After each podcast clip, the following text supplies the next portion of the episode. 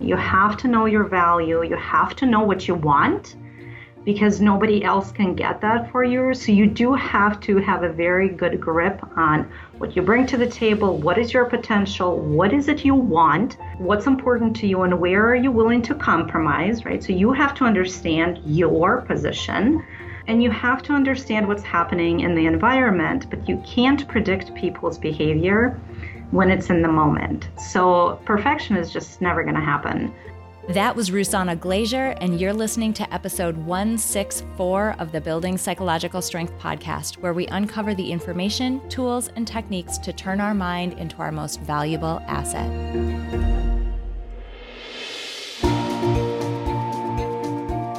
The courage to face fears with persistence. Being able to be present enough in this moment to choose my response thoughtfully. We have the strength to bend to life stressors, to bend to adversity without snapping, without breaking. There are only six things that contribute to our quality of life, and they are all experiences. In every moment, we are deciding who we want to be and how we want to live our lives. Noticing what your brain is doing and then being able to make choices mobilize the things that we know lift us up. Fear is not logical, it's primal. Hey, everybody, welcome back to the Building Psychological Strength podcast. My name is April and I'm your host. Before we dive in today, I want to say welcome to anybody who is here for the first time. I'm so thrilled and I'm really excited that you're here for this week's episode because it is a very tactical applicable episode in so many facets of our lives, but I'll get into that in just a moment. If you're somebody who is returning, thank you so much. Thank you so much for being with us along this journey, and thank you so much for continuing to choose yourself and choose your own development over the million of other things that I know are competing for your time and attention. It is so important, increasingly important, whenever our lives, I mean, anytime, but whenever our lives get extremely busy, whenever they get too full or overwhelming, the times when we feel like we don't have time to focus on ourselves those are the times that we need it the most. Those are the times that we need to be more psychologically strong than other times that might be a little bit easier and less taxing on us. So, thank you so much for being here. I really appreciate it. Quick listener shout out to someone named Soraya who left this comment on iTunes. The title was Motivation for Your Week. She said, I love, love, love this show. April finds the most inspiring guests, and her energy is just amazing. I can't recommend enough. It's awesome to hear that comment because this week's guest is extremely inspiring. And I hope this week's interview inspires you to take action on something that you might be putting off. So let's dive into this week's episode. This week, we're talking to a woman named Rusana Glazier, and she is a sourcing professional. So somebody who, um, you know, negotiates contracts and negotiates with vendors on behalf of larger companies. So she's a sourcing professional. She's a negotiation expert and she is co founder of brightmeetsbrave.com. This is a website that is empowering women to ask on their own behalf that's really key. Rusana is a successful professional. Her expertise lies in negotiations and relationship management. That's also very key. Um, and she has experience negotiating for people like and things like manufacturing firms and retail companies in the US. She's negotiated abroad for large corporations as well as smaller privately held firms. And she has a very, and you'll see this in her interview, interview, a very direct yet collaborative approach to negotiations and a unique perspective on global culture. She loves working with women and speaking about how women can find confidence to negotiate on their own behalf and succeed. Now, I'm absolutely thrilled about this episode because you'll hear it. At some point, I completely geek out about gender roles and gender quote unquote stereotypes. If you don't know this already, that was the area that I studied in graduate school, and it is so applicable here. before you think, oh, stereotypes, we're going to go down this negative, like terrible uh, place with this episode, that isn't it at all. So I'm just going to leave it at that. They are not what you think, but they are so applicable to our daily lives and the way that we approach situations that might make us feel uncomfortable. And in fact, they help explain why we feel uncomfortable in certain situations, like negotiation. I also want to invite you to take a very broad definition to the word negotiation.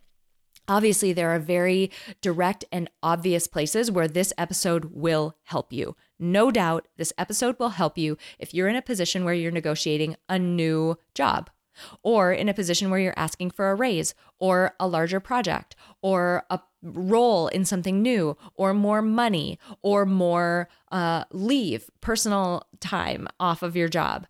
It can help with all of that.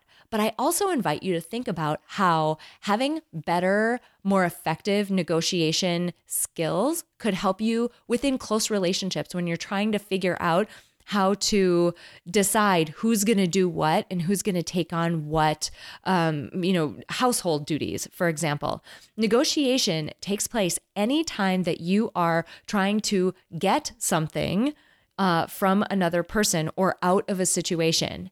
And it's this episode is so wonderful because we hit on so many facets of negotiation that make a lot of us and I'm just going to speak from the perspective we we focus a lot on women with this because as a woman I know and speaking with my friends and also studying this in graduate school this is one of those areas where in particular we don't feel as confident in general now, maybe you individually feel very confident, and that's great. But on the whole, the people who I speak with and the people who I have studied, um, that's not necessarily the case. And there are so many reasons why.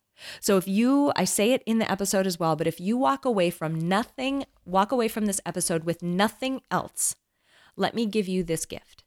I want you to know that the fear that you have, the uncertainty that you have, the discomfort that you have, the feeling that you have that, oh my gosh, I'm just not good at conversations like that, I want that put to bed with this episode. There's nothing wrong with you. You're not deficient. You're not weak. You're not somehow not good at it. It is none of those things. There are so many facets that lead nearly all of us to feel the way that you do. It isn't difficult. These things like negotiation are not hard for you because there's something wrong with you. They're hard for you because they're hard. So I want you, if you walk away with nothing else, which there's no possible way that's the case because Rusana gives the best, most tactical tips at the end of this episode. So do not miss those. But if you walk away with nothing else, I want you walking away with a little bit more self compassion a little bit more understanding that there is nothing wrong with you and that you are not deficient, that this is just something that is hard and it's something that you can get better at with time. I really, really hope you take so much away from this episode because Rusana was extremely open in helping us um, take away actionable tips. They are scattered throughout this episode, but there is a big chunk of it right at the end about how you can both prepare for a negotiation conversation or series of conversations, um, also how to execute them more effectively, and uh, how to follow up and make sure that things actually happen. It's such a valuable episode. I am so thrilled that we're tackling this topic, and I hope you all get a ton out of it. All right, let's dive in. Rusana, I'm so excited that you're here because we're going to be diving into a topic today that is really critical for a lot of us to just know about and be aware of as we move through our careers and really a lot of aspects of our lives. So I really appreciate you being here. Thank you for having me. I'm thrilled to be on this show.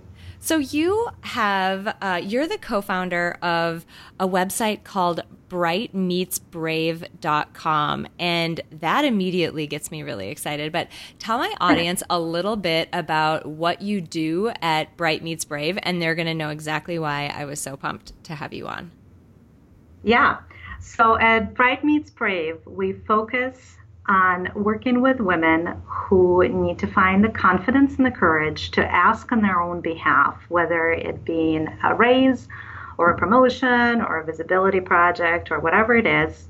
And we also work with um, educating men on some of the differences that women experience in the workforce. So, when solutions, when especially companies are looking to put some solutions in place to address the gender pay gap, they can be effective. That's amazing. And it's such important work that you are doing. And I love that you're focusing on it from both, uh, you know, both from the standpoint of women and also from men, because uh, it is a much more holistic um, issue than typically we think about or that it gets talked about. Yeah. Thank um, you. I think the reason we did that was because when we look at the upper management, it's still you know predominantly male, mm-hmm. and want to make sure when solutions are being put in place, they're effective. And the only way to do that is when you understand some of the issues and the struggles that women go through. Yeah. Well, maybe let's dive in there. Let's talk a little bit about uh, what you've found as you're working with people, um, the experience that a lot of women are having within the workforce, and some of those uh, pieces that you educate on that are really, you know, unique experiences that women have as they're moving up in their career. Yeah, you know, I'd like to go a little bit before what I have dis- started discovering with women because it all stemmed up, the whole idea stemmed up uh, from a personal experience that I went through a few years ago. So, uh, professionally, I was negotiating on behalf of my company and I was doing really well. And then at one point a few years ago, it came a time when I had decided to go in and ask for, for a raise. And I noticed how uncomfortable and unsure all of a sudden I felt going in and asking on my own behalf. And that kind of sparked the curiosity about, well, am I the only one who is feeling like that? And that's when it started developing into me kind of first interviewing women and just kind of sharing experiences. And what I found out is that the fear and the uncertainty and the lack of confidence that we experience when we only ask on our own behalf, not on behalf of others, it's kind of universal among women. Um, so that that's what um, kind of sparked it. And then what was really interesting to find is that women, um, the difference between when we ask on behalf of others, we have absolutely no problem doing that, and we're very mm-hmm. effective, um, just as effective, if not more, as men, according to research. Um, because we are brought up in a society where women are viewed in supportive roles. So when we ask on behalf of somebody, that's us being nurturing and supportive, which fits really nicely in the gender um, in the gender roles that we're brought up with. Um, so when it goes when it's time for us to go and advocate on our own behalf, we all of a sudden become unsure whether what our um, we have a hard time associating dollar amount or privileges um, you know, with, with our self worth and what we bring to the table. So we all of a sudden start doubting ourselves. And quite often we, uh, we have a huge fear of, well, what's the response going to be? Um, and that the fear of uncertainty it kind of holds a lot of women back. Mm, absolutely. Um, you, people who are listening to this, I'm sure the women who are in this audience, if you think about the last time that you had to ask for something for yourself, whether it's a raise or a promotion or anything else, even within the context of uh, relationships, asking to maybe divide work differently within, you know, a, a close romantic relationship or anything like that, it can be really daunting. At least for me, I tend to go into a place where mentally that that mental chatter is asking me are you sure? Are you sure that what you're asking for is fair? Are you sure that what you're asking for that you can support it that it's valid? Uh, because I, I really do. I start to question myself and i would never do that. You're absolutely right. I would never do that if i was negotiating on someone else's behalf or asking for something for someone else yeah, you know, you, you brought up a really interesting point. Um, so uh, there, there are multiple steps, right, that I work with women and we get them to the place where they feel absolutely confident um, in going in and asking and advocating on their own behalf. But you touched on something really interesting. You said you're not sure if it's fair. Um, and that is actually one of the stepping stones in, in our preparation is the sense of entitlement. Men and women have a different gauge when it comes to entitlement.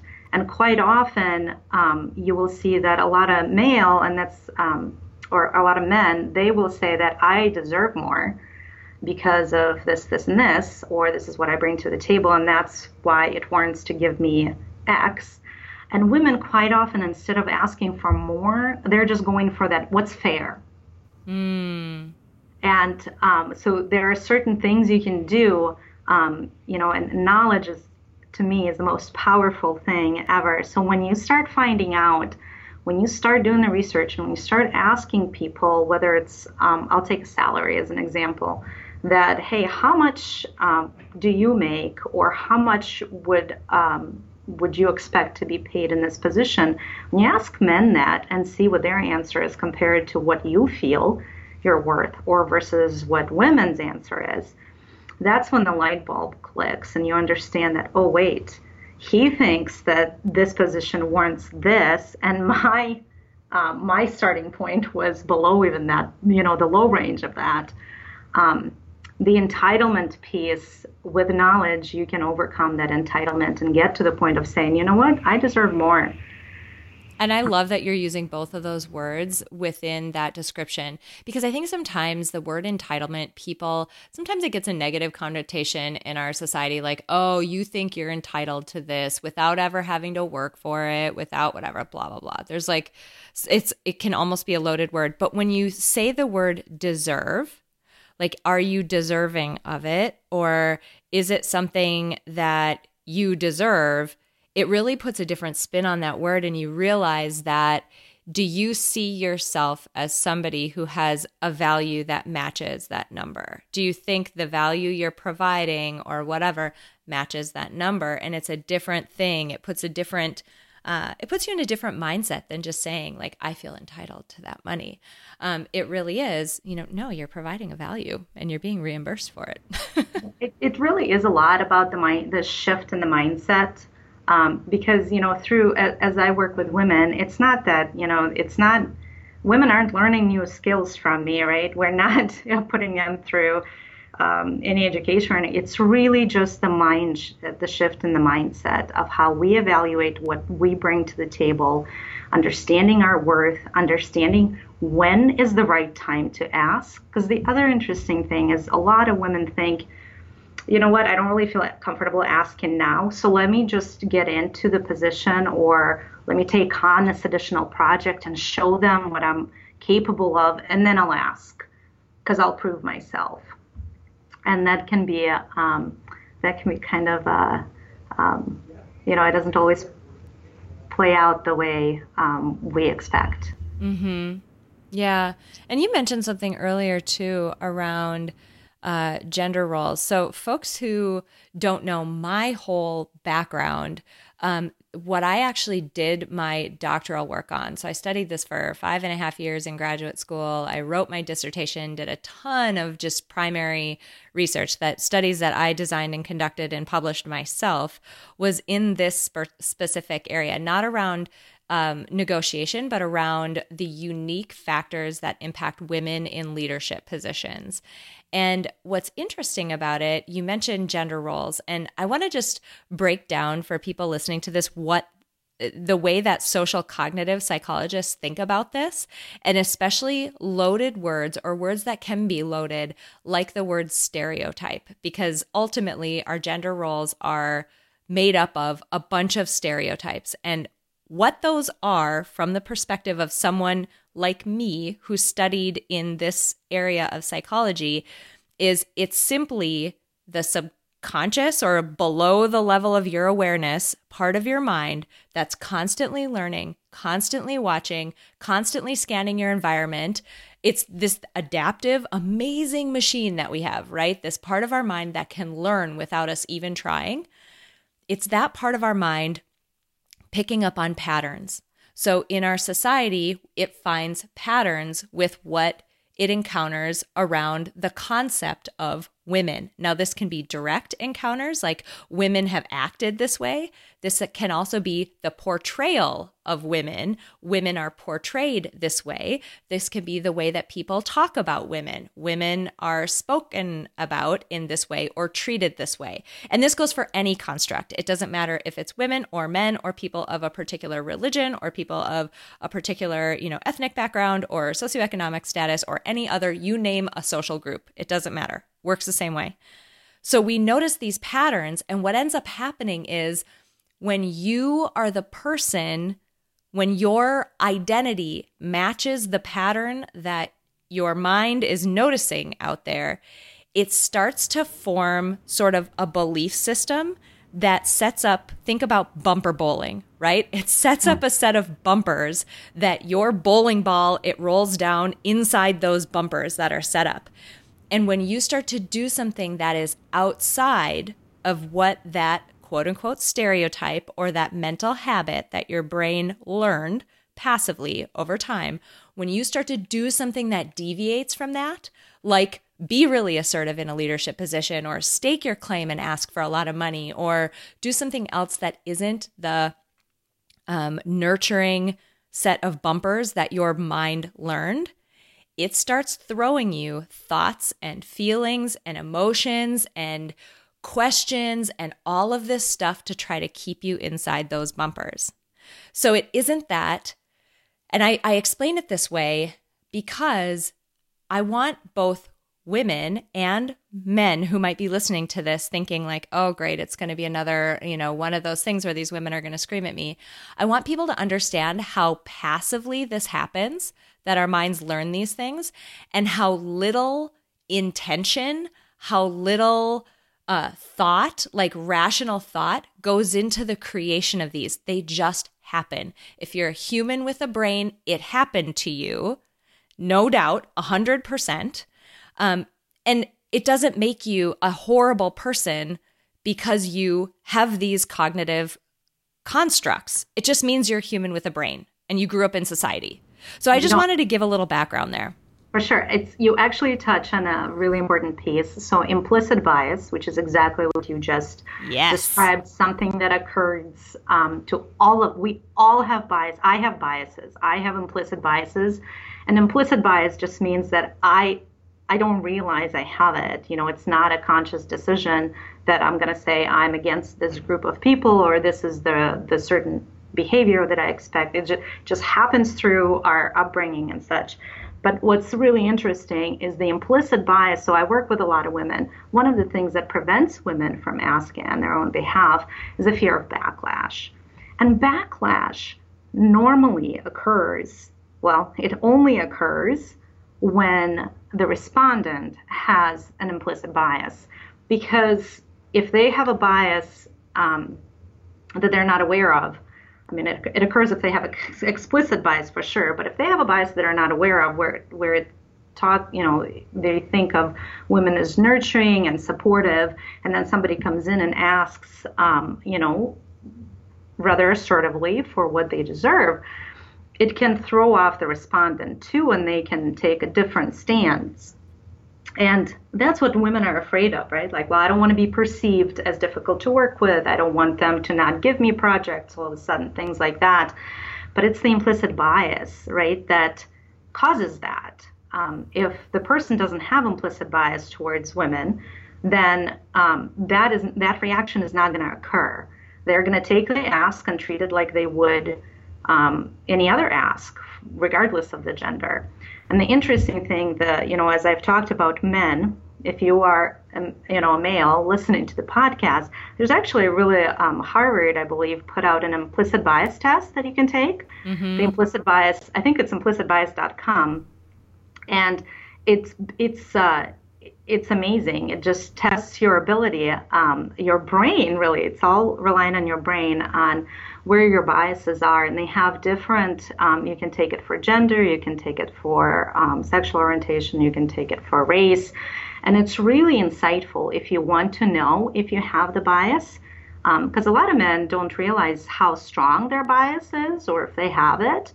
Um, but when you take it, it kind it's kind of the first step for men to realize, oh, wait a minute, I need to be careful when I have these kind of interactions because I do have a bias and I need to watch, um, you know, my behavior.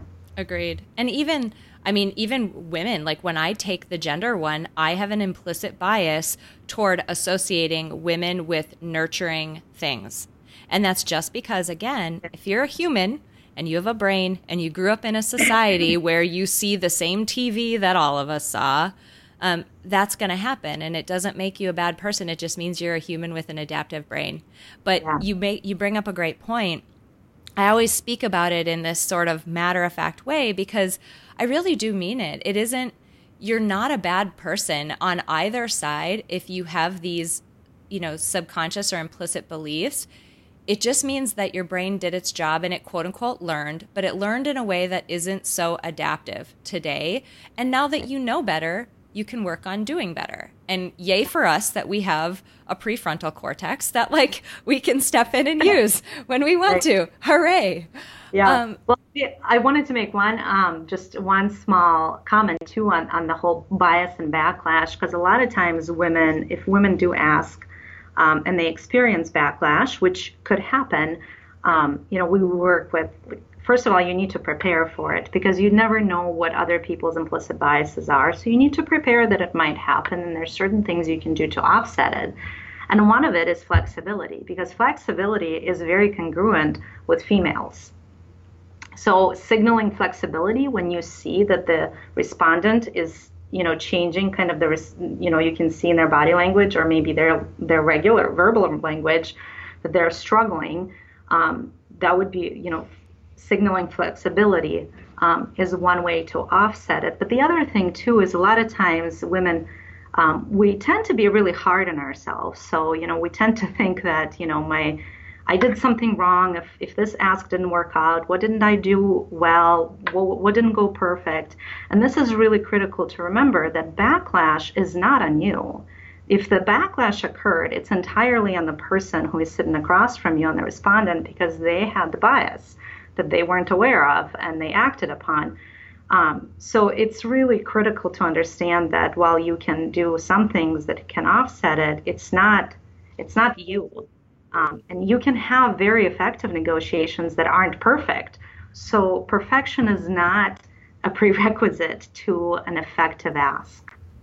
Yeah, if we can just dive a little further into um, not needing to be perfect, like a way to approach this and feel comfortable with the fact that it might not go perfectly and have that be okay.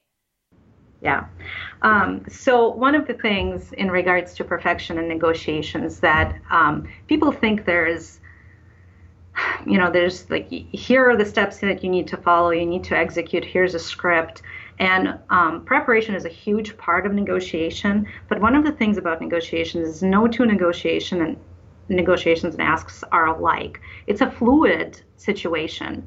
So you have if you're looking for perfection, you're just never going to get there. There's so many aspects that you just can't predict because it's not just up to you. Um, you're having a dialogue, you're having a conversation with another human being who is going to have questions, who might have reactions. So, um, to me, it's super critical that, hey, we can prepare we can go through what if scenarios and we can have a plan A and plan B and um, but you have to realize that there might be some surprises that might be thrown at you during the ask.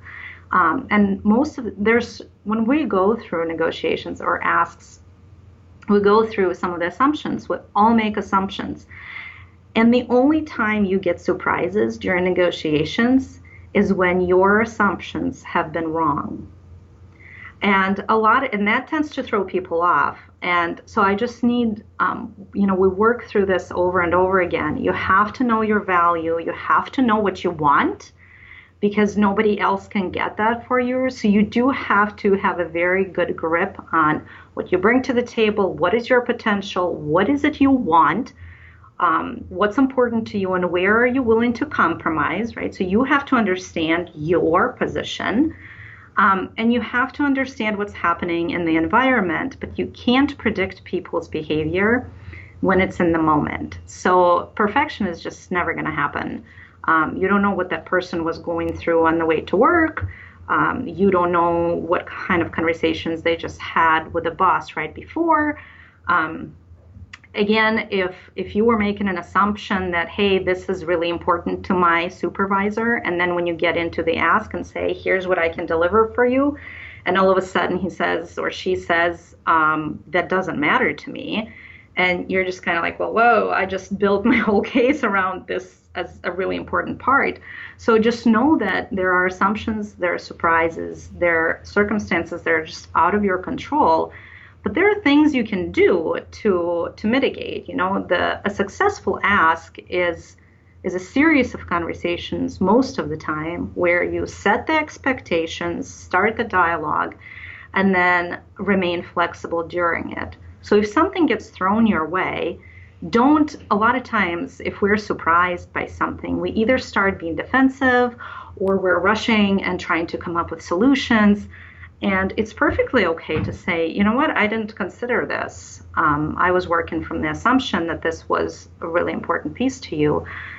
Can we reconnect? Like, can I think about this and get back to you so we can have a more productive conversation?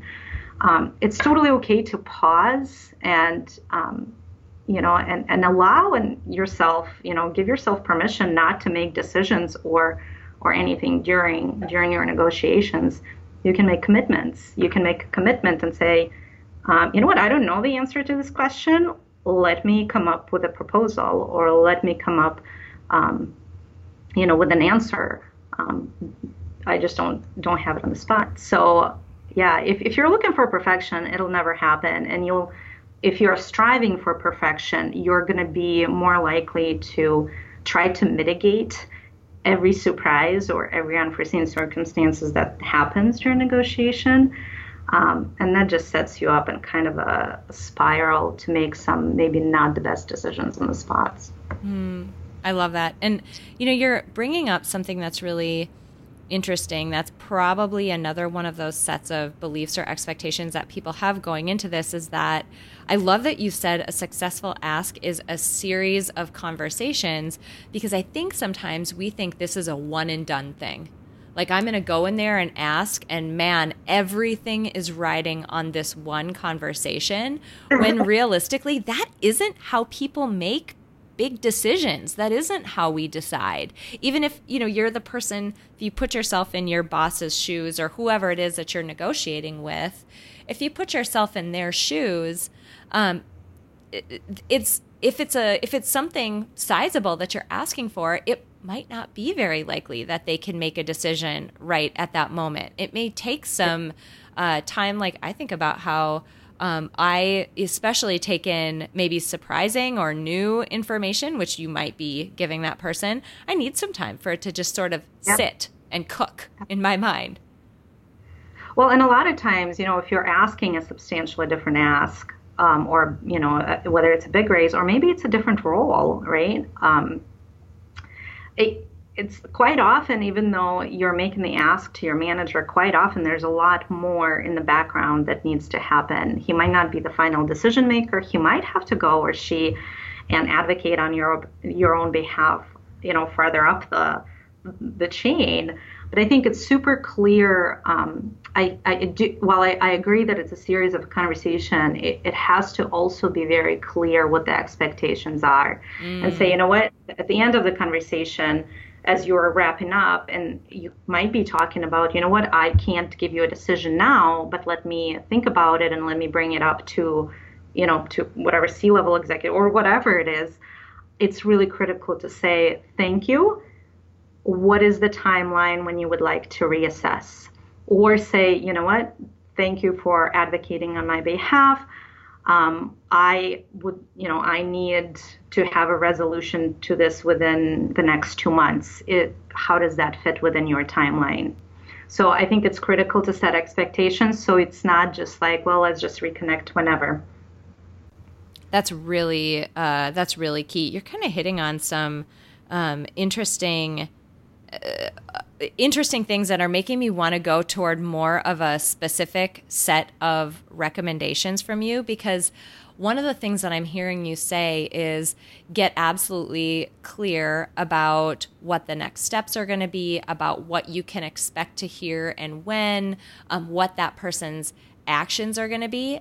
And from our conversation just prior to that, um, I also heard you saying, you know, if if a person is learning something new, or you're bringing them new information, or something that might be unexpected, uh, it might be helpful to that person to just voice that, like, "Hey, what I'm about to, or what we're talking about here, this may seem um, unexpected or this may seem new to you. So let's take some time and make sure that we both really feel comfortable with it before, you know, like uh, sometimes pointing at the elephant in the room just helps yeah. everybody calm down a little bit. Like, you don't have to be defensive. I don't have to freak out and pretend like I'm hiding something. Like, let's just point at it and let's have a conversation about this big elephant in the room. Well, and you know, like that's that's a really a really good point because the next step is when you when you do that is the most critical thing in negotiations is asking really good questions. Mm. because the difference between just a dialogue and us having conversations versus negotiations is a in negotiations you're going to trade value. You're going to ask for what is really important to you in exchange for providing what is really important to the other person. So you, you need to align on that. But then the other thing um, is uh, in negotiations you're you're objective is to find something that you don't quite know yet. So you have to pay attention to what people say. So you have to be an active listener rather than just like coming up with, you know, a response to, to the question. And um, but the other interesting thing is quite often we will go in and say, I want, this is just, um, I want a 10% raise. Um, is this something you can do for me? And that is a yes or no question, which doesn't really help you understand the reasoning behind either of those. Um, a much better questions to ask that are start, or the best questions to ask are the ones that do not have yes or no answer. And you know, as a mother, I can relate to it because when my kids come home from school, if you ask, "Did you have a good day?" most of you know, 90 well 100% of the time you're either going to get a yes or a no because they don't want to talk to you but if you're asking of um, you know, hey, tell me what what was one thing that happened that was funny, or what was one thing you learned today. Um, they go in into a dialogue, and the same thing happens with asks. If you ask, um, hey, can I can I or vacation, can I get another week of vacation? The answer is well, no. Our policy says, right? But if you go in and explain your situation, explain why it's valuable to you and why you think it's a valid ask, and say, how can we make this happen? Or what are your thoughts? What are your thoughts are a lot better um, question than can we make this happen? So really go for the kind of, for the questions that start with what or how. Um, you know, how can we make this happen? What would it take to make it happen? Are much deeper uh, questions than just is this possible? Mm-hmm. Yeah, I could totally see that. And something else you mentioned that I think fits. Um, I'm curious of your your thoughts on this, given um, how much you've studied in this area. But something that you mentioned around, you know, learning almost learning what's in it for the other person, like a value exchange versus just you asking for something. That feels like going back to the conversation we had about gender roles, about stereotypes, about that type of thing, and women feeling like they don't want to overstep or ask for something that isn't fair. It feels mm-hmm. like that would sit with both the recipient of this ask as well as the woman who might be doing the asking if somehow you could figure out how both people are going to get something out of this situation whether it's you're going to get a highly engaged worker who's really excited about this next opportunity because it's in a it's in an area and a skill set that I'm really jazzed about these days or I mean something else. But that feels much more in line with uh, where what we learn women you know quote unquote should be like and therefore yeah. might be more comfortable for people. Yeah. Well, and it's comfortable on the other side too because it makes uh, if somebody's coming to me with an ask, it makes it makes me see that hey, this isn't entitlement. You know, especially if you you know if I have bias thinking, well, what makes you think you're all that? if somebody comes in and says, you know what, this is what I bring to the table, and if you do this, then I do that, um, or then we can accomplish this because, you know, as a result, those are much more, you know, it, it's just kind of like, okay, we're working together. It's, it's, it sounds a lot more collaborative than just me, me, me. Mm-hmm. I could totally see that. So I'm thinking about all the women who are likely listening to this, or even, I mean, anybody listening to this, because we all have to be in a position where we're all going to be there where we have to ask for something that we want or need uh, at some point. Do you have sort of a high level how people can prepare and execute and follow up? Sort of a, I don't know if there are just some highlighted bullet points, like action steps that people could take as they go into the next time that they're going to need to make an ask like this to try to be more successful. Yeah. So uh, just you know, super high level. I'm not going to go into a ton of details, but I think the very it starts from the very beginning when you set up a meeting with somebody and you're going to go in for the ask. Um, put it on the agenda in the meeting or stop briefly with a person and say, you know, I really want to connect with you on something and this is what I want to discuss. Because the last thing you want is get into that office and with all your preparation and put it on the person and then it's, it just kind of um, it throws people off right away. Yeah, so no perhaps a little bit before right that this person that hey i wanted to talk to you about this when would be a good time? Send out an agenda on things you want to consider because it's always better for the other person to come prepared um, a little bit or just at least have an, an indication of what you're going to talk about. And then preparation is such an important step that a lot of people miss especially women because we take up oh, quite often we spend so much time on gathering up the courage to go and ask that we forget like how do we execute an effective ask? And for the preparation stage i cannot drill enough into people that you have to know your value. You have to know your worth. You have to understand what the market conditions are, what you bring to the table, what your potential is. A lot of women forget to think about the potential. Potential has value. People are going to bring you into the firm or people are going to give you more um, because of the potential that you have. Um, so think about that in the preparation stage, work on conquering your entitlement. Um, you know, where it's like, well, I, I, I, can't ask for that much. Talk to people and talk to men.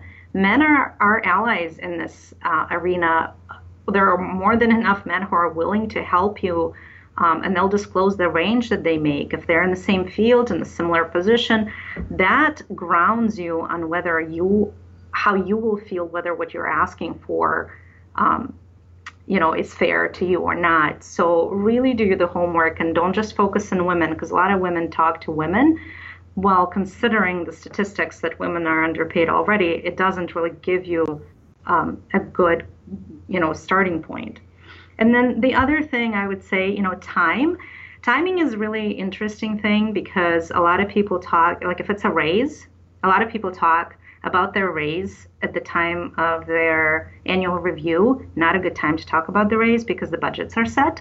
So think about like what is your um, boss is going through. If if it's an annual review, you might want to approach it mid-year and just set the tone. So when they're going through the budget, they're already planning for it rather than just kind of being thrown um, at them at the end of the year. If you're negotiating a new offer, don't fall into the trap of, you know what, this is lower than I expected, but let me get in, let me prove, you know, um, that because once you get in, then you're going to be set to a budget. And on top of that, you're going to be relying on the company's performance and things like that. So the, if you're uh, looking, evaluating a new offer, that is the most leverage you're ever going to have to negotiate. And then um, as far as fear of backlash, that's kind of like the fourth thing to address is prepare for the worst. Look at your plan Bs and plan Cs, and because once you're prepared for a backlash, um, it's it's not as scary. And then you go in knowing that if this happens, then here here are my options. Um, so those are kind of the preparation stages. And then for the execution part, I really encourage people to set expectations, right? Make sure you're setting clear expectations in the beginning and then kind of wrapping up at the end like here's what i heard. Do we agree on this? Like this is this is what we've talked about and this is the outcome of the meeting. And then just have a frank conversation with um, questions that are focusing on how and what so you can understand the other side present your findings understand different levers. Um, so just just be genuine yourself. You know everybody has different styles of negotiations so don't try to if, if you're soft spoken normally don't go in just being all you know like don't go in for the battle. Just be yourself and deliver your ask in high confidence. Um, and then uh, don't the biggest thing i would say during the negotiations is be be prepared to say you know what? Let's let me think about that. And then um, rather than make decisions. A lot of people tend to get make make decisions when they get flustered.